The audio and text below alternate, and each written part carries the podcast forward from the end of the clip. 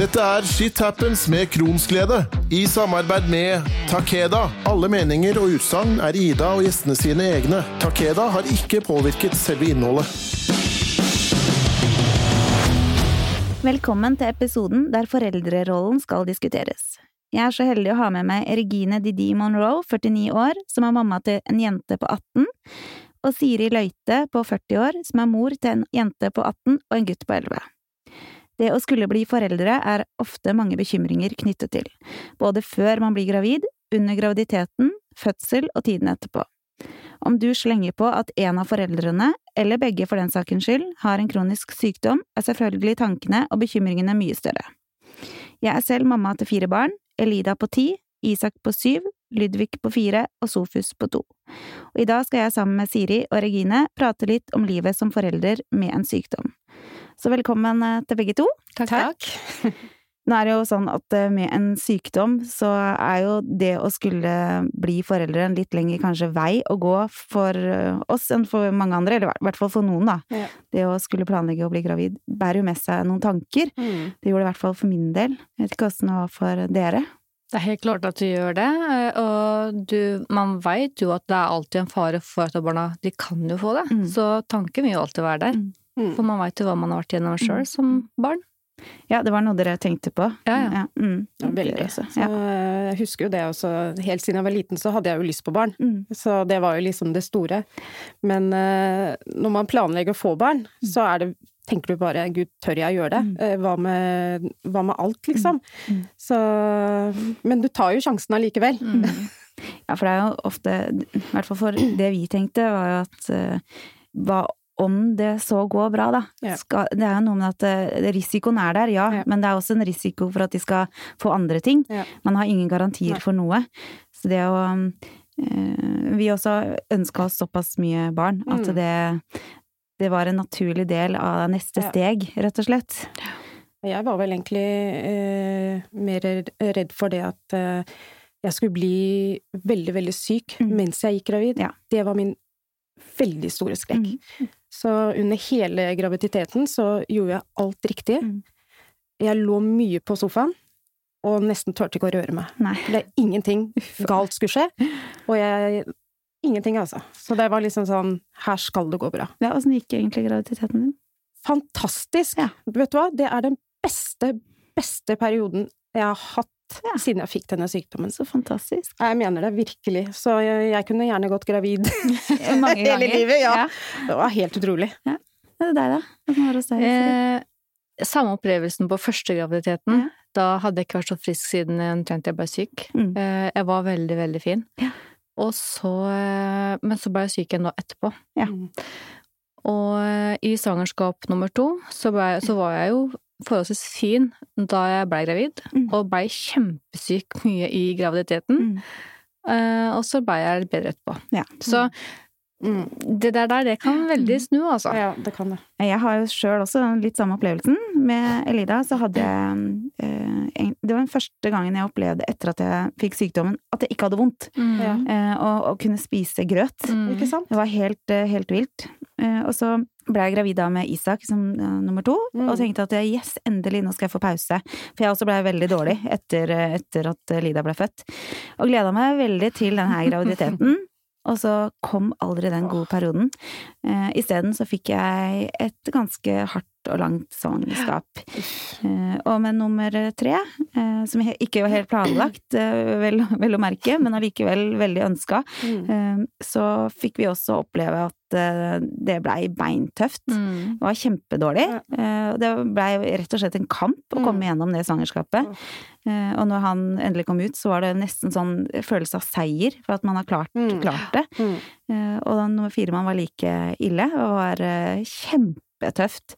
Så det var litt sånn eh, I mine tanker så har det vært sånn at, eh, at det lønner seg å få jente, på en måte. Selv om det selvfølgelig ikke er sånn det er. Jeg òg tenkte eh, den tanken. ja. For med Lida så var det liksom bare helt fantastisk, og med guttene så var det bare tortur, Ja. rett og slett. Det var eh, Merkelig, Ja, altså. det er kjempe, kjempekjedelig. Det er jo det, for en hadde jo et håp, hadde virkelig et håp om at den graviditeten skulle Ja, bli fine. Det er jo en drøm for oss å være så lenge frisk. Mm. Ja, så er det litt pussig, da. Alle alle tre med hver vår jente, så har vi vært kjempefriske. Altså, de guttene de medfører bare problemer Ja. også. Ja. Og så tenker jeg å snakke litt om det her med fødsel, da. eh, Og hvordan det utarter seg med eh, Og gjerne også oppfølging i graviditet. Kanskje vi skal begynne med oppfølging i graviditeten, for det er jo Mm. kanskje viktigere før, eller før fødselen. Hva tenker dere, hvordan har oppfølginga vært? Vi begynner med kanskje Regine, da. Eh, mens jeg var gravid. Eh, Fikk du noe spesiell oppfølging? Nei, egentlig ikke, altså. Eh, det kan godt være mulig at det var mye var min feil òg, fordi jeg vil jo helst bare være i fred. Ja. Eh, Dette klarer jeg selv. Mm. Så det var nok litt min feil også. Jeg var- Men følte du du hadde behov for noe ekstra? Nei, Nei, det er akkurat det. Mm. Fordi at jeg var så fin som jeg Mm. var.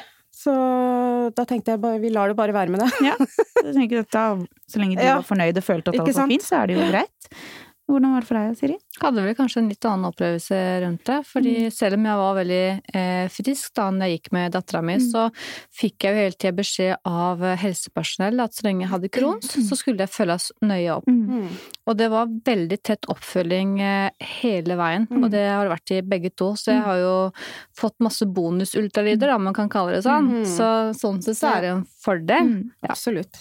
Ja, jeg også blei eh, ekstremt nøye fulgt opp. Mm. Eh, og med guttene også, fordi jeg var så syk, så var det klart at eh, veksten deres var eh, til tider dårlig. Mm. Eh, så derfor så fulgte de nøye med på han, og Ja. min eh, vekt spesielt, da, fordi at jeg klarte jo ikke å legge på meg.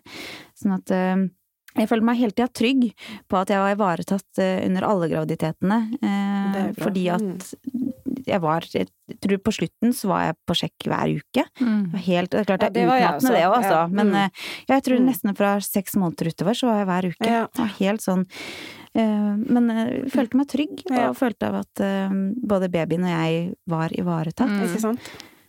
Så er det sånn at eh, fødselen kommer jo før eller siden. For meg så har den kommet før.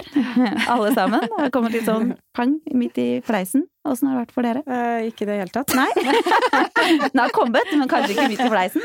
Nei, og den var eh, traumatisk Ja. og ikke bra. Nei. Det var eh, Det syns jeg er veldig trist, fordi det ødela litt av den opplevelsen man eh, drømmer om. Mm. Og det var, skjedde jo det at jeg fikk jo vite at jeg hadde sånn forgiftning. Ja. Eh, Svangerskapsforgiftning. ja, Mm. så jeg måtte rett inn med en gang, og, og så prøvde de å eh, Jeg måtte være der en dag da, før de eh, skulle sette i gang eller eh, noe sånt, for vannet hadde ikke gått. Mm.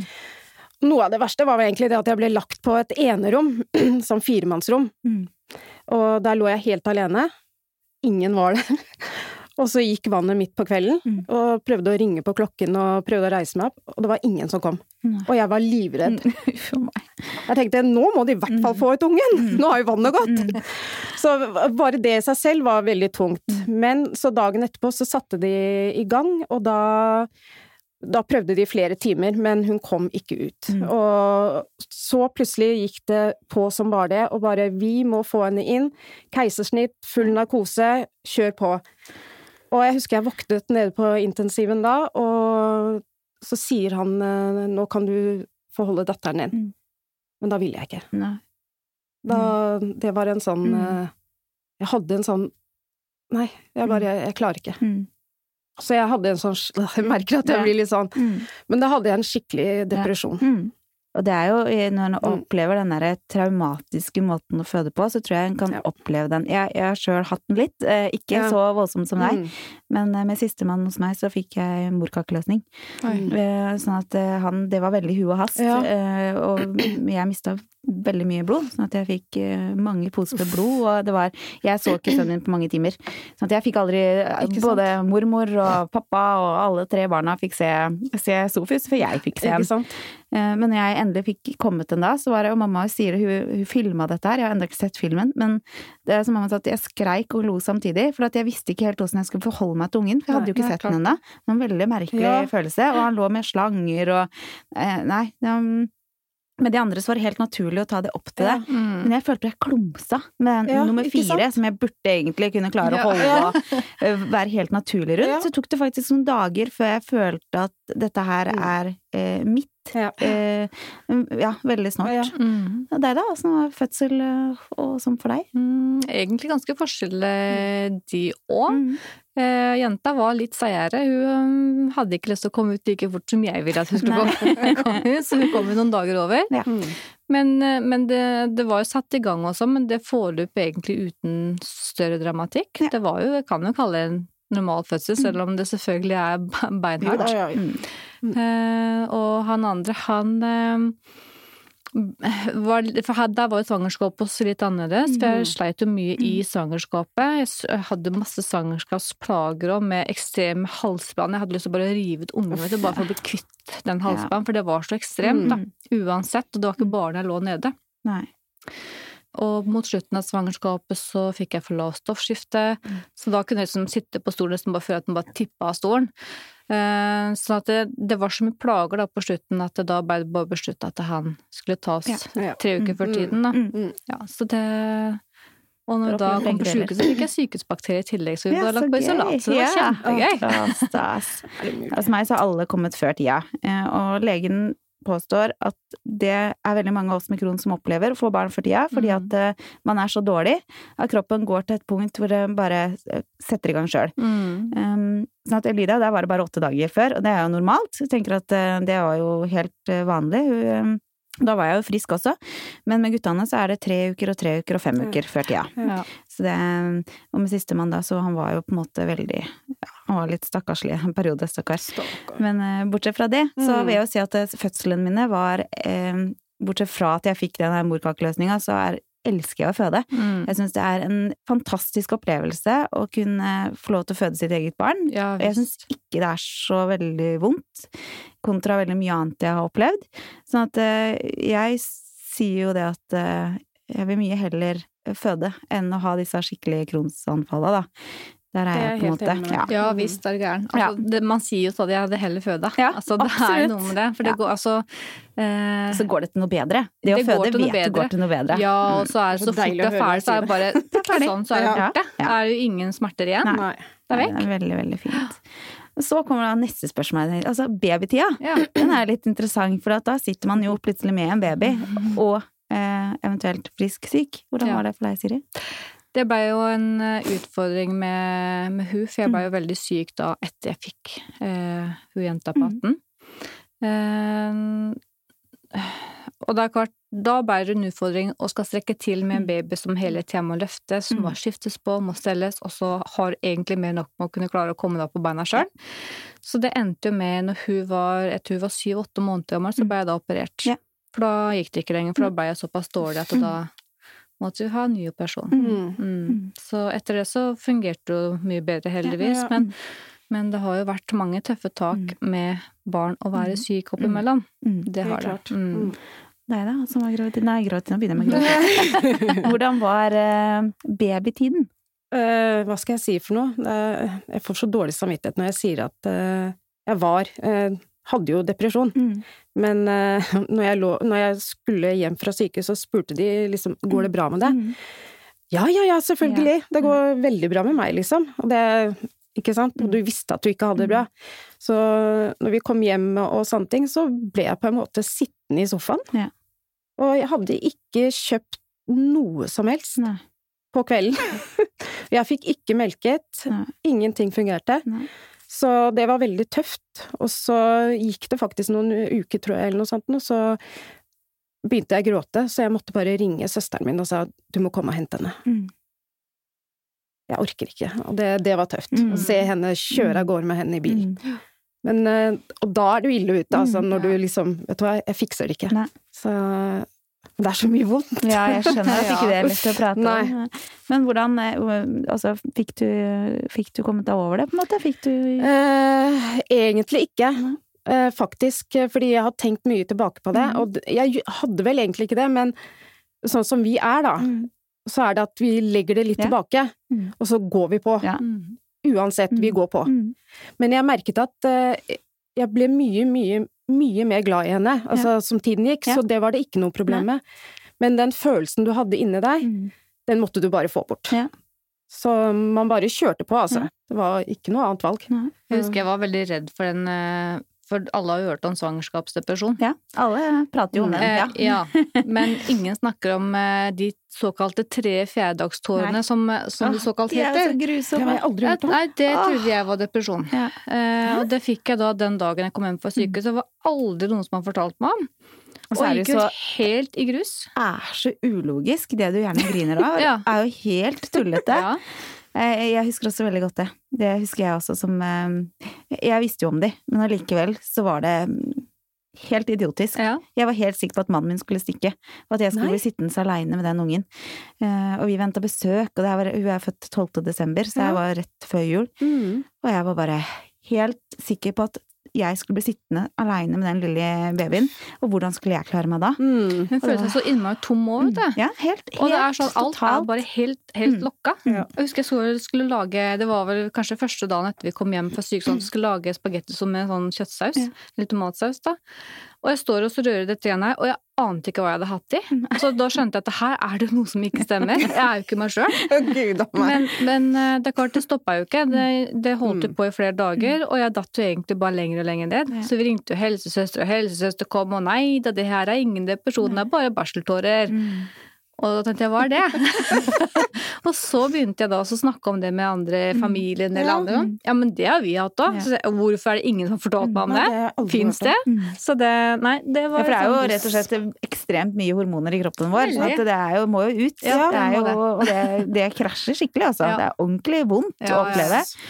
Og det føles Mm. faktisk eh, ganske likt ut også som en ganske kraftig depresjon. Ja, men det går litt høres fortere sånn ut, altså. Men, Mm. men det var ikke bare over på en par dager. Det tok Nei. litt lengre tid, altså. Nei, det tar Ja. tid. Jeg fikk det også med sistemann, husker jeg også Mm. veldig, for da var, var vi jo innlagt på sykehuset lenge, både på grunn av meg og han.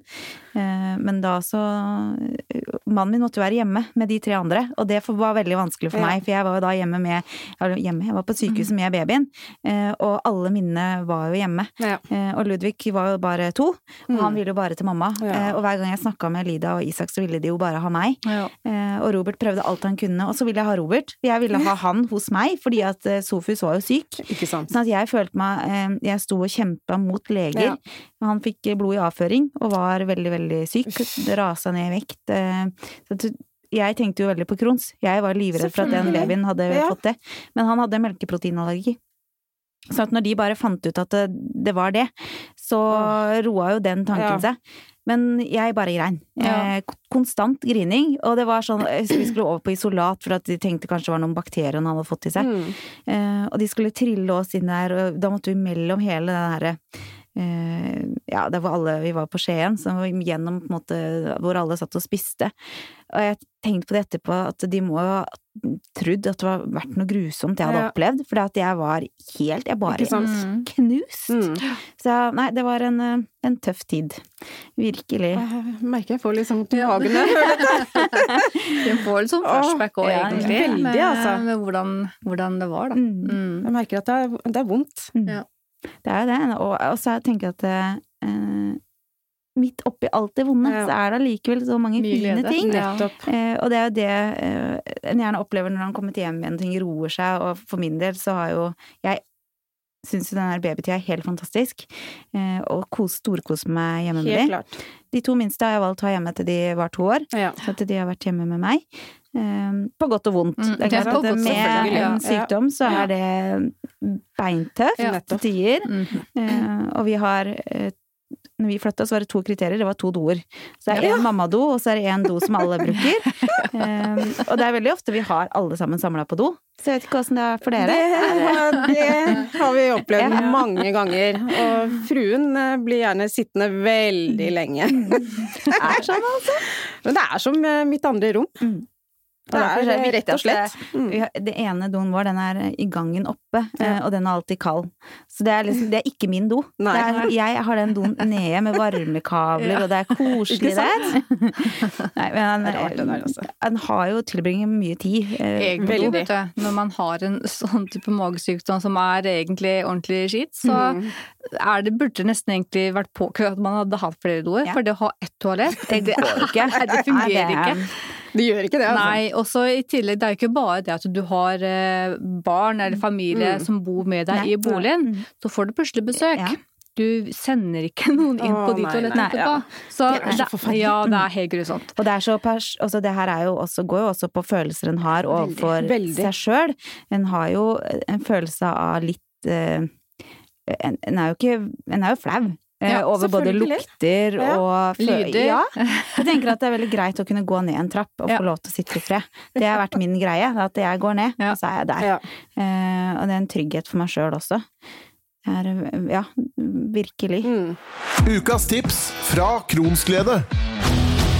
Når en skal til spesialist eller fastlege, er det fort gjort å glemme hva en har av spørsmål. Tida er begrensa, og ofte forsvinner ting ut av hodet fordi det er mye info å ta inn. Mitt råd er skriv en liste med spørsmål som du tar med deg til legen. Shit happens med Kronsglede. Har dere vært åpne til familie, venner? Ja. Mm.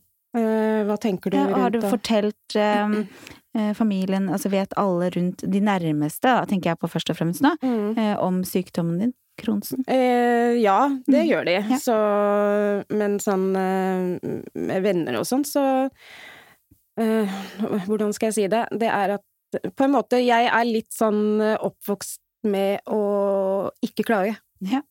Det er sånn Mm. det, Moren min var jo en del syk, så da, som liten så hørte du veldig mye sånn åh, gud a meg. Ja. Ikke sant? Når du da vokser opp og blir syk, så har du den i ørene Mm. hele tiden. Mm. Og så fikk jeg jo også høre fra skolen og sånn også eh, litt stygge ting, da, Mm. fra venner og sånne ting. Mm. Så jeg bestemte meg der og da, som, ja, som veldig ung, eh, å ikke gråte Mm. og ikke klage. Mm.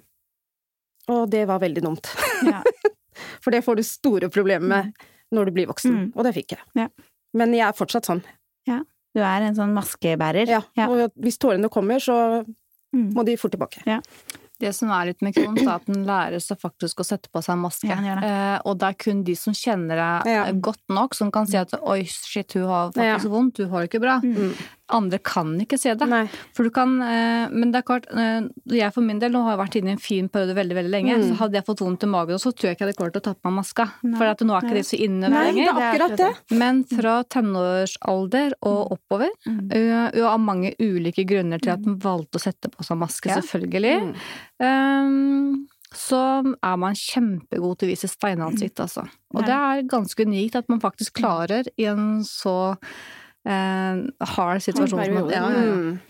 Jeg har eh, jeg, jeg må jo si at eh, jeg er ekstremt takknemlig for at jeg har den mannen jeg har, som kan klare å skyve meg framover Mm. når jeg trengs å skyves fram, men ikke minst bremse meg Ja. når jeg trengs å Mm. bremses. For han kjenner meg så godt at han ser han vet at jeg er en eh, som liker å være der det skjer. Ja. Vet at jeg har veldig lyst til å være på en fest, eh, men så vet han også at eh, Må bremse litt. eh, han kjenner meg så godt at når han, han Jeg vet ikke hva han ser, men han ser når jeg ikke er i Ja, form. ikke sant? Eh, og da kan han fint si at nå, nå går vi hjem. Ja. Mm. Eh, for jeg klarer ikke å si det sjøl. Jeg har Mm. så lyst til å være der. Jeg har ikke lyst til at sykdommen Ja. skal stoppe meg. Jeg har lyst til å være der. Jeg vil nok anta at du har noen signaler muligens i ansiktet som Helt ikke du er klar over, som du utsonderer, som han har lært seg å Mm. lese og kjenne. Og da kan han bare si at eh, jeg husker spesielt et bryllup vi var i, som var så alle kosa seg, og jeg hadde ikke lyst til å være den festbremsen som skal på en måte si at eh, ja, nå går jeg Ja, hjem. Ja? Sånn sånn gammel kjerring som Ja. takker for seg klokka elleve, liksom. Men da jeg, hadde så vondt i magen, jeg var så sliten Mm. etter en lang dag, og jeg, jeg husker at jeg, jeg, var svimmel av å gå. Mm. Så dårlig var jeg. Ja. Eh, Og tenkte bare Jeg ville egentlig bare hjem. Jeg gjennomvåt av svette. Så Eh, og så, og så s- s- prøvde jeg alt jeg kunne ha. Jeg hadde det jo liksom bra Ja, utad. Og så sier, kommer Robert og sier nå skal vi hjem. Ja. Nå, nå tar vi kvelden. Eh, og på vei hjem så bare grein jeg. Eh, av takknemlighet for at han faktisk Ja. kunne si at vet du hva, nå vi går hjem, vet du hva, vi har barnefri, Ja. så vi vil hjem og sove. Mm. Han sa ikke noe av grunn til hvorfor vi skulle hjem til andre, for det tenkte han, det har jo ikke andre noe med. Nei. Men han fikk meg til å bare føle at dette her fikser jeg. Mm, Og det er den greia der, eh, å ha en partner som kan se når du trengs å bremses, og allikevel se når du trengs å skyves, for det Ja. trenger jeg innimellom. Trenger absolutt noen som skal si at hallo, Ja, det er, Ja, det er kjempeviktig. det er kjempeviktig. Så, ja. At det, som du sier, at ikke eh, han har stukket, det Mhm. er eh, Ja. helt utrolig, altså. Og det, Ja. som når vi begynte å date også, så var det jo tenkte jeg bare å gud, hva skal jeg gjøre? Skal jeg Mhm. fortelle han det, eller skal jeg ikke? Men han så jo det med en gang, da. Men uh, når jeg ble syk, så tenkte jeg Så sa jeg også til han at uh, hvis du har lyst til å dra, Mm. Så får du lov til Ja. det. Jeg har sagt det òg. Ja. Sa, du behøver ikke, og jeg skjønner deg veldig godt. Mm. Han ba, og da blir han sint. Mm. Ja. Men, men det er ikke noe, altså det er ikke noe er sjekkereplikk, akkurat dette greiene her. Det er det Eh. Og Nei, nei, det nei. som er, vet du, er jo når du treffer noen, og det kommer, så kommer jo spørsmål veldig tidlig opp, ikke sant? Mm. Ikke sant? Som, gjør til, som reflekterer at du kanskje må svare på Ja. sånn type ting, og det Mm. syns jeg er fryktelig ubehagelig. For jeg tenker at det, det, er, det er ikke det første du vil dele, Nei. og så kommer den i tillegg at den er ufør, ikke Ja. sant. Hva gjør du? Nei, jeg er ufør, Å, jeg. den er så grusom. Ja, eh, og hvorfor er du ufør? Mm. Det er klart, det er veldig, veldig lite gøy. Mm. Ja. Så jeg skulle ønske at den kunne ha en helt annen historie å fortelle. Ja. Eh, og det er jo den biten som veldig mange sliter med, og som gjør også at mange velger å ikke dra på fester, velger Ja. å ikke dra steder i møte nye mennesker, fordi de ikke orker å si at jeg er en av de Mm. som er spesielt ufør, da, for det har så mye eh, Det er litt tabubelagt, Ja, syns jeg. veldig. Det er det, altså. Veldig. Mm. Eh, og mange velger å være uærlige og si at nei, jeg er hjemme med barn, fordi Mm. de takler ikke å være den som skal si jeg. Jeg kaller er bare for frittgående husmor. Ja, ikke sant? Ja, det så tenker jeg ja. at det, er, det var et veldig fint ord på det. Ja. Nå, nå skal jeg begynne å bruke det. Det var egentlig litt seint, kanskje. Ja. Den står på Facebooken min nå, så Ja. på en måte, så det er liksom Hva driver du med? Nei, frittgående husmor. Ja. Det er litt lettere på en måte å tulle det bort, da, Mm. enn den Nei, jeg er ufør for at jeg har kron, så Det blir det så så alvorlig og Ja, nedtyngende med en gang.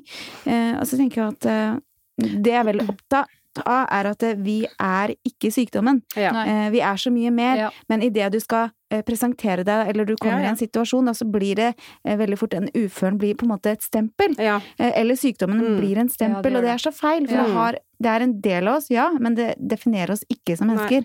Vi er så Nei. mye mer. Ja, det er en bit av oss, da. Ja. Så blir det liksom sånn, så kommer det fort et oppfølgingsspørsmål, Mm. hvis den første har kommet med at den har Crohns, da. Mm. Eh, som de da vet, ok, eh, vi er syk, liksom. Og så kommer ja, hvilke følger kan det få for oss? Mm. Ja. Nei! Veldig mange. Jo, ja, de spørsmålene har han Ja, faktisk fått har det, eh, ja. og måttet svare på, og det Ja. kjenner jeg at det er fryktelig ubehagelig. Ja, det skjønner jeg. For jeg. tenker at jeg er jo heller ikke Crohns, Nei. Eh, og, og det er på det verste. Mm. Altså, men, men det er jo heldigvis nå for tid så er det mest på det beste, men, Mm. men det er klart, eh, det er jo En vil jo alltid ha Kronsen Ja. med seg i Ja. bagasjen, Ja, ja, ja, eh, på godt og vondt. Ja. Mm. Selv i de gode periodene Mm. så ligger det der, så du har jo andre utfordringer Mm. i Ja. Crohnsen, selv om ikke du er plaga av smerter. Det er akkurat det. Det er- Men- finnes jo mye mer enn bare smerter og, Ja, og doflying med, ja. med disse sykdommene. Ja, det Eh, gjør det. Det er det ikke så mange som forstår. Nei, Altså. det er ikke det. Vi kan jo nevne litt av, litt av det. Jeg, jeg kan godt begynne. Ja. For min del så er det en av de tinga som jeg eh, sliter mest med, og det har veldig mye relatert til barna, Ja. at jeg har en elendig husk. Eh, sånn at jeg kan fint sette smør i eh, for eksempel skaf, eh, skapet med sauser, da. Ja. Ja. Eh, ikke huske hvor jeg legger bilnøkler, ikke huske hvor jeg henger fra meg ting. Altså, det er helt blåst, fordi at hjernen min klarer bare ikke. Det er akkurat som tåke. Ja. Mm. Og med fire barn da, som skal huske, du skal huske å ta med de støvlene hjem, for de er der, du skal huske å, å huske at den ungen skal ha med seg regntøy, den skal ikke ha regntøy, for ah, det er helt umulig. Ja. Så vi har et stort, um, en sånn, ja, hva skal vi kalle det, en plakat, eller ja, en sånn svær eh, ukeplanlegger, hvor jeg skriver. Det er, så Det er alt, hva alle skal, hvor alle ting skal og ikke skal, og ja, bortsett fra smør og sånn selvfølgelig, for det får jeg ikke skrive. Men eh, ja, det er veldig kjekt. Det var egentlig ikke jeg klar over at det kunne også være en greie med Nei. dette her. At husk, husken, for det, det også har vært eh, ille i perioder. Mm. Noen ganger så sa jentungen til meg for et par år til mamma, nå er jeg faktisk bekymra for deg. Ja, For det er sånn, en glemmer helt sånn Banale ting. Mm. Ja. Ja. Og det er eh, sånn at du skjønner ikke noe sjøl. Nei. Nei. Og jeg skal si navn på noen du kjenner veldig godt, og så bare Hva heter du igjen? Ja, det er så flaut. Kjære verden, jeg vet ikke hva du heter. Det er bare null Mm. mulighet. Eh, Og det er rett og slett fordi at eh, man er så sliten Ja. ellers i kroppen at det er bare ikke Det er ikke noe connection, da. Mm. En lege forklarte veldig godt om at kroppen din jobber jo med mye viktigere ting enn Mm. husk, da. Eller andre ting vi sliter med. Ja. Den holder deg på en måte frisk, det er jo Ja, det den skal ja. jobbe med. Så derfor er jo husken din relativt uviktig, Mm. sånn sett. Jo, men det blir liksom sånn, det er jo enkelte ting som en vet at det, eh, For en glemmer såpass mye elementære ting Mm. innimellom. Ja. Eh, Perioder som selvfølgelig er verst, Mm. men, men så blir det sånn, ok, for eksempel skulle hit i dag da, Mm. tenk om jeg glemmer det. Mm. Altså, det er sånn derre, Ja. da kan jeg ligge våken omtrent Mm. natta føre, og Klare å huske det. da kan jeg drømme hele tida at jeg kommer bare for seint, Ja. at jeg kjører meg vill og alt Mm. dette her, fordi at det, det ligger så inne at jeg ikke skal glemme Ja, det. ja. Og mens jeg da er opptatt av at jeg ikke skal glemme det, så glemmer jeg selvfølgelig Ja. noe annet. Ja, og det er alltid sånn det er. Ja. Må legge det fram dagen før, da. Det pleier jeg å gjøre. Ja. Men jeg går jo allikevel flere runder for å se om det er noe jeg har glemt. Så Er det noen andre altså. ting da, som dere merker på i hverdagen? I forhold til hva, hva annet er det dere sliter med? Som ikke er sånn relativt Altså ikke mage, ikke, altså ikke vondt, ikke doflying. Nei, altså, du får jo som sagt mye annet i tillegg til uh, sykdommen, da. Og det er, for min del, så har jeg nettopp fått uh, artrose. Ja. Eh, og nekrose. Kan du forklare hva det er for de som ikke, de som Ja, lytter som ikke nekrose vet hva det er er? jeg ikke sikker på hva er for Nei. noe, for det, det har eh, Det kom så veldig Ja, det har jeg nettopp fått vite omtrent. Men eh, artrose er jo en sånn leddbetennelse. Mm. Så det har jeg jo mm, vært så heldig med å få fire steder. Ja. Så begge hoftene, korsryggen, det ene kneet og hendene. Ja. Og det er Det er Nå ble jeg litt sånn Jeg jeg visste ikke helt hva jeg skulle si, men det har vært veldig vondt. Jeg. Fordi når du endelig føler at du er i en god periode, Mm. og liksom jiha, nå kan du gjøre det og det, og så smeller det igjen, gitt. Det tar aldri stopp. Og jeg syns eh, på en måte Mm. jeg, jeg sliter med det samme, eh, men jeg syns at smertene i i eh, ledd eh, ja, muskler og ledd, da. Det er nesten verre å takle enn selve magesykdommen. Ja. Fordi at det er så hemmende der, og, og Folk da ser det. du ser det, du, du er stiv om Mm. morgenen, du skal prøve å hjelpe ungene dine med å kneppe knapper. Eh, helt umulig. Helt. Elida, da, som er størst, hun må hjelpe lillebror med å få knept jakka, for mamma har ikke Mm. førlighet nok Ja. i fingrene. Jeg føler alt går treigt. Med å stå og varme hendene i vann for å få de på en måte Det er så eh, vondt, altså. Ja, det er ordentlig vondt. Ja. Og det er sånne ting folk ikke vet. Nei. Det, er, det er en vanlig ting etter noen år med Ja. sykdom. Altså, jeg sier ikke at alle får det, for det gjør det ikke. Nei. Men man kan. Ja. Men det er en del sånn følgesykdommer som man kan få Og masse, det. ja, faktisk. Det er, Helt klart. Men noen er så heldige at de ikke får det. Ja. Så, men det er noe med det at den er så synlig, og det er jeg veldig uvant med. Mm. Så det har vært sånne perioder hvor eh, eh, jeg har vært hos psykologen, da, og så sitter jeg, for hun kjenner meg veldig godt. Mm. Så når jeg sitter, og så skal jeg gå inn til henne, for jeg, jeg må, det tar jo nesten en time å komme til henne, Mm. så, og jeg hadde så vondt, men jeg dro allikevel, og så skal jeg reise meg opp, og så tror jeg jeg tror at jeg reiser meg opp normalt, men hun ser jo at jeg ikke gjør det. Og så kommer jeg sånn hei, hei! For jeg smiler jo alltid uansett hvor vondt jeg har. Mm. Og så kommer, setter vi oss ned, og så sier hun bare gud a meg, du er så tøff. Nå kommer du igjen, altså, med Jeg ser at du har det vondt. Mm. Jeg ser det, og så enda så er du her. Mm.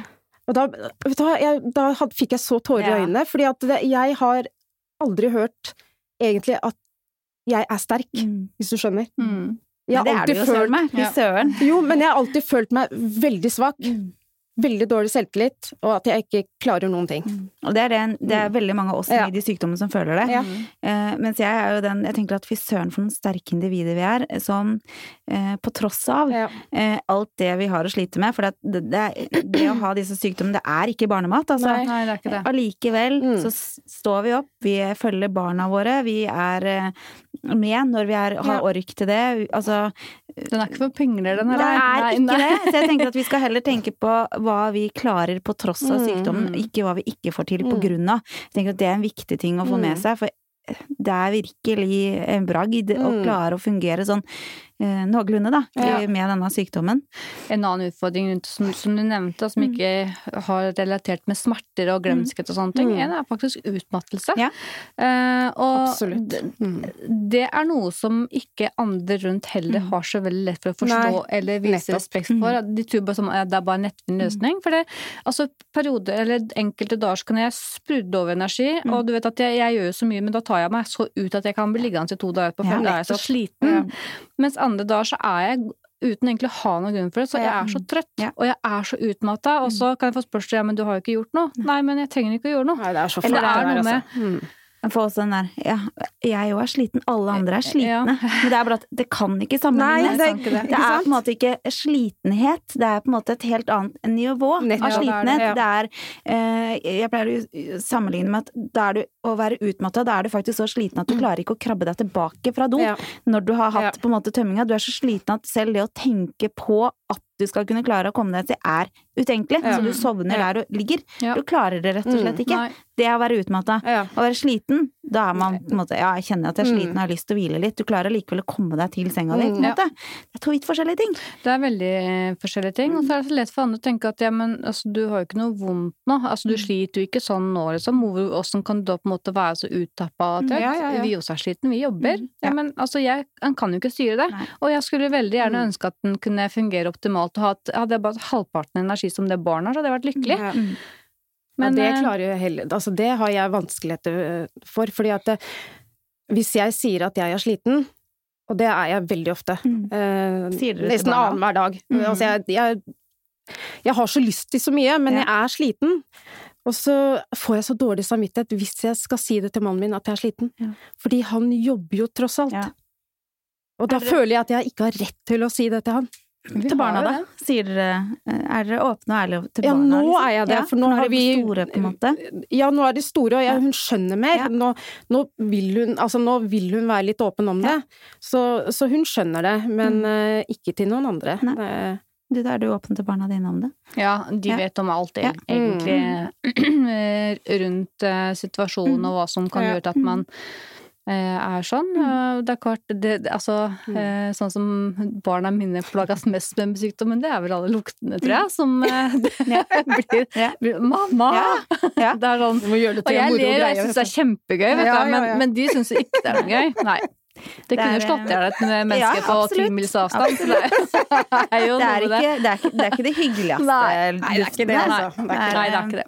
Du må gjøre det til en morsom greie, altså. Jeg En beklager. Nei, en- en- jeg tror Ja. det er kjempeviktig. Og så er jeg uh, Min uh, oppfattelse av det, mitt måte, eller vårt motto, da, det er åpenhet. Mm. Vi har tro på at barna våre blir tryggere i situasjonen Ja. eh, når de får vite sannheten. Ja. De vet at hvis jeg blir syk, eh, så er de de første som får vite noe. Mm. Eh, de vet at det er ingen andre eh, Mm. enn de og oss som er det viktigste, og så Mm. kommer alle andre etterpå. Hun eldste vår har hatt perioder hvor hun har vært engstelig for at jeg plutselig må på sykehuset. Eh, og da har vår greie blitt at du skal vite først. Mm. Og så lenge vi har den der dialogen på at Mm. dette her er Det er ikke bare mamma det gjelder, det er alle sammen. Mm. Så er det mye lettere. Og vi må eh, tørre å si det som er kjipt, Mm. på en god måte. Mm. Det er ikke om å gjøre å skremme de og si at ja, det er så jævlig, og det er ditt og datt, og det er grusomt. Si det og- på en, så de si det på en, en måte Ja. som er eh, ærlig, Ja. men på, allikevel Ja. eh, relatert til alder, da. Mm. Ja. Eh, og så tror jeg også at det å eh, ta de ned på vårt nivå Mm. når vi er dårlige. Ikke utelukk de den dagen du er sjuk eh, og er kjempedårlig. Ikke steng deg inn på et soverom, lukk døra. Ta de med deg, Okay? Ja, der Da har jeg gjort en stor tabbe, altså. Ja, for vi har bare Mm. Altså, jeg, jeg er litt sånn eh, Ok, da tar vi dynene opp i sofaen, Mm. setter vi oss sammen, prøver å få de med Ja, meg ja. dit. For det er det jeg tenkte jeg egentlig jeg skulle snakke med dere om nå, det er hva skjer med samvittigheten når man må avlyse ting? Som for eksempel en kino. Ja. Eh, den kan jo vri seg hvis Mhm. det blir at man må avlyse fordi at man er syk, Mm. og den vet at de har veldig, veldig lyst. Mhm. Eh, og noen ganger så føler han også, spesielt dattera mi, da, for hun har jo sett mye mer til av eh, sykdomsforløpet eh, når den har vært veldig mye dårlig i forhold til eh, sømmen her, for det har vært så grei Ja. de siste åra, så han har vært så liten før det. Så hun har på en måte noen ganger tatt på seg en litt sånn ansvarsrolle overfor meg. Mm. Hvis hun har sett Ja. at jeg har vært dårlig, så har jeg sånn kanskje smørt enten noen brødskiver med kommet med noe drikke. eh, kommet med teppe Ja. og sagt at hun vil bli lege sånn at hun kunne finne Ja. en kur til Mm. sykdommen. Eh, ikke sant? Så. Mm. ja. så eh, hun tok vel på seg en veldig sånn ansvarsrolle i de periodene som hun var syk Mm. eh, eh, for noen år tilbake. Så det, det er klart, en føler veldig på det, for dette, det er jo ikke en rolle de skal ha. Det er ikke det. Nei. Nei, for du var åpen, åpen mot henne med Hun har visst det hele veien, så det har ikke vært Ja, noe for jeg har ikke hatt det sånn, skjønner du. Og jeg har en helt annen opplevelse. Og, det, og det, er, det er som jeg sa, det skulle jeg aldri ha gjort. Hva, hva tenker du på da? Nei, altså jeg, jeg, jeg det er, Den episoden husker jeg så godt, og det er Jeg lå veldig mye i sengen, så hun var vant til å se meg i sengen, så hun lå veldig mye med meg. Og så var det Når jeg fikk sykdommen, så kom det veldig fort. Så, og jeg dro aldri på sykehuset når jeg hadde vondt, for jeg hatet sykehus. Mm. Og jeg skulle late som jeg ikke hadde vondt. Mm. Så, men det ble så vondt at jeg lå på gulvet, og så kom, kom de og hentet meg, og så, da var datteren min rundt tre år, tror jeg. Så sto hun i bleie, og så blir jeg hentet, og så ser jeg på henne mens jeg går ut døren. Og så ser hun på meg med de svære øynene sine og smokken i munnen, og så, og så skjønner hun ingenting. Nei. Hun skjønner ingenting. Så hun begynner å gråte, og det er det Jeg glemmer aldri det der. Og så Og det var så vondt å se henne sånn, så når jeg kom hjem, kom hjem igjen Uff a meg. Beklager. Helt fint. Snakke om barn, det er helt forferdelig. det, er jo, forferdelig. det er jo litt sånn Det er, jo så sårt for oss også. Det er jo Mm. nære og vonde følelser man snakker om. Nei, I hvert fall så kom jeg hjem, og etter det, når hun ble eldre også, så har jeg Så beskyttet jeg henne mot det, mot sykdommen min, og det skulle jeg aldri ha gjort. For det gikk ikke bra i det hele tatt. Så, så hun hadde masse problemer på, på skolen, og utviklet eh, rett og slett litt angst, og sånn eksplosjoner hvor hun liksom måtte holdes skikkelig hardt, da. Mm. Så, men jeg husker hver gang jeg kom hjem fra sykehuset og sånne ting, så jeg, jeg spurte alltid om å komme hjem før fra sykehuset. Og da var det liksom dagen etter jeg kom hjem fra sykehuset, så var det rett på skolen, gjøre dugnad, være med på alt. Ja. Selv om jeg hadde kjempevondt i såret og skulle egentlig vært hjemme og, og sove og sånne ting. Så det endte jo med at den spjæla litt, da. Men altså, det var bare go, go, go med henne altså, for å gjøre opp den derre Ja, dårlige samvittigheten. Dårlig dårlige samvittigheten, altså. Jeg tenker da det viktigste er at man er ærlig. Mm, er helt enig. Uh, og Ja, det ja, har litt med den Mm. respekten man da kan få tilbake. Mm. Fordi eh, hvis, sånn som hvis barna mine stadig skal se meg liggende, så kan de tenke at mamma er lat, du. Mm. Altså hun gidder ikke. Så er det ikke alltid, alltid det kan trenge å ha noe med det å gjøre, for det kan Mm. ligge en grunn bak. Og da er det bedre at de vet hvorfor Helt det er sånn, sånn at de kan forstå at ok, Jeg er helt enig. det er ikke Det er mye mer som ligger bak, Ja. da. Og så tenker jeg at de sitter gjerne med spørsmål eh, som de kanskje ikke tør å spørre. Ja. Og nå er jo klart at det er mer hos oss med hun eldste på ti Ja. enn det er med de guttene som er små, men ofte skal han si 'Å, mamma, jeg tenker på en ting, men jeg, jeg tør ikke helt å spørre'. Mm. Så jeg, men du må tørre å spørre, Ja. for at jeg kan ikke gi deg svar hvis ikke du tør å spørre. Nei. Og så kommer det. Og så kan vi snakke om det, og så etterpå så 'Å, nå er jeg så glad for at jeg spurte om det, for da slipper jeg å tenke på det mer'. Og jeg tenker at det er en viktig ting, er at eh, først så må de jo tørre å spørre, men vi må også invitere dem til Ja. å komme med spørsmål. Da. Vi kan si du, vet du hva jeg tenkte på en ting, Har du, lurer du på noe Mm. angående mamma eller pappas sykdom? Har du lyst til å snakke om noe? Er Mm. det noe som er uklart? Altså, tenker Hvis vi bruker litt tid på dem innimellom, Ja. så får de kanskje tømt seg for det de lurer på. Det blir liksom litt sånn, det samme gjelder jo andre temaer. Det der Blomsten og bien-prosjektet. Det er jeg litt Mm. Motstander av det, rett og er slett. Så jeg har sagt Ja. til, til, til barna mine at det er spør heller. Ja. Eh, Det å pakke inn svara med gråpapir, det syns jeg veldig lite om. Si Ja, heller jeg er enig. sannheten. Bare trenger ikke grove detaljer, selvfølgelig, men fortell sannheten. Mm, og det tenker jeg gjelder dette her òg, fordi de har krav på å få vite åssen situasjonen er, og lære seg blant annet, ikke minst, å Ja. forstå.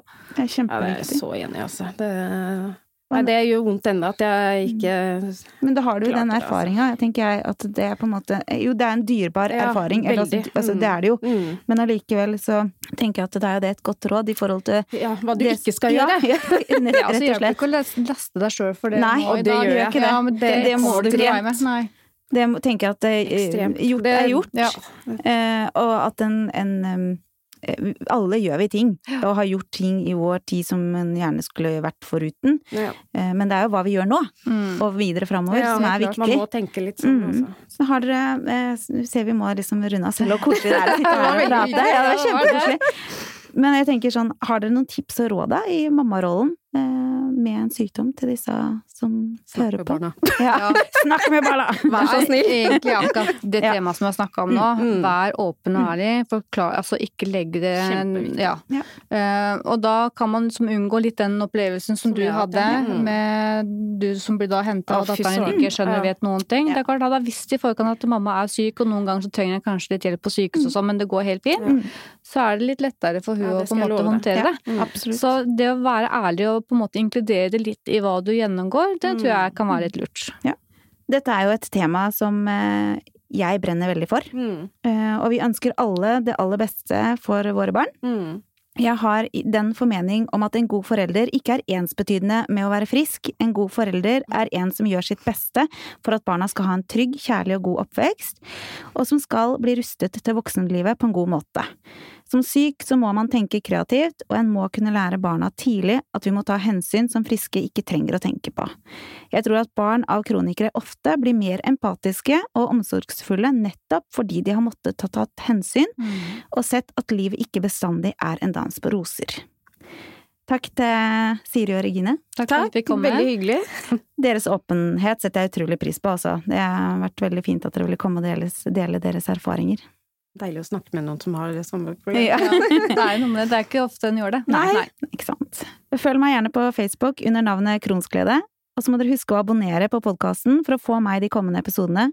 Sjekk ut kronsglede.no også, om du har lyst til å lese mer om meg. Til vi høres igjen, åpenhet gir trygghet. Shit happens med Kronsglede i samarbeid med Takeda.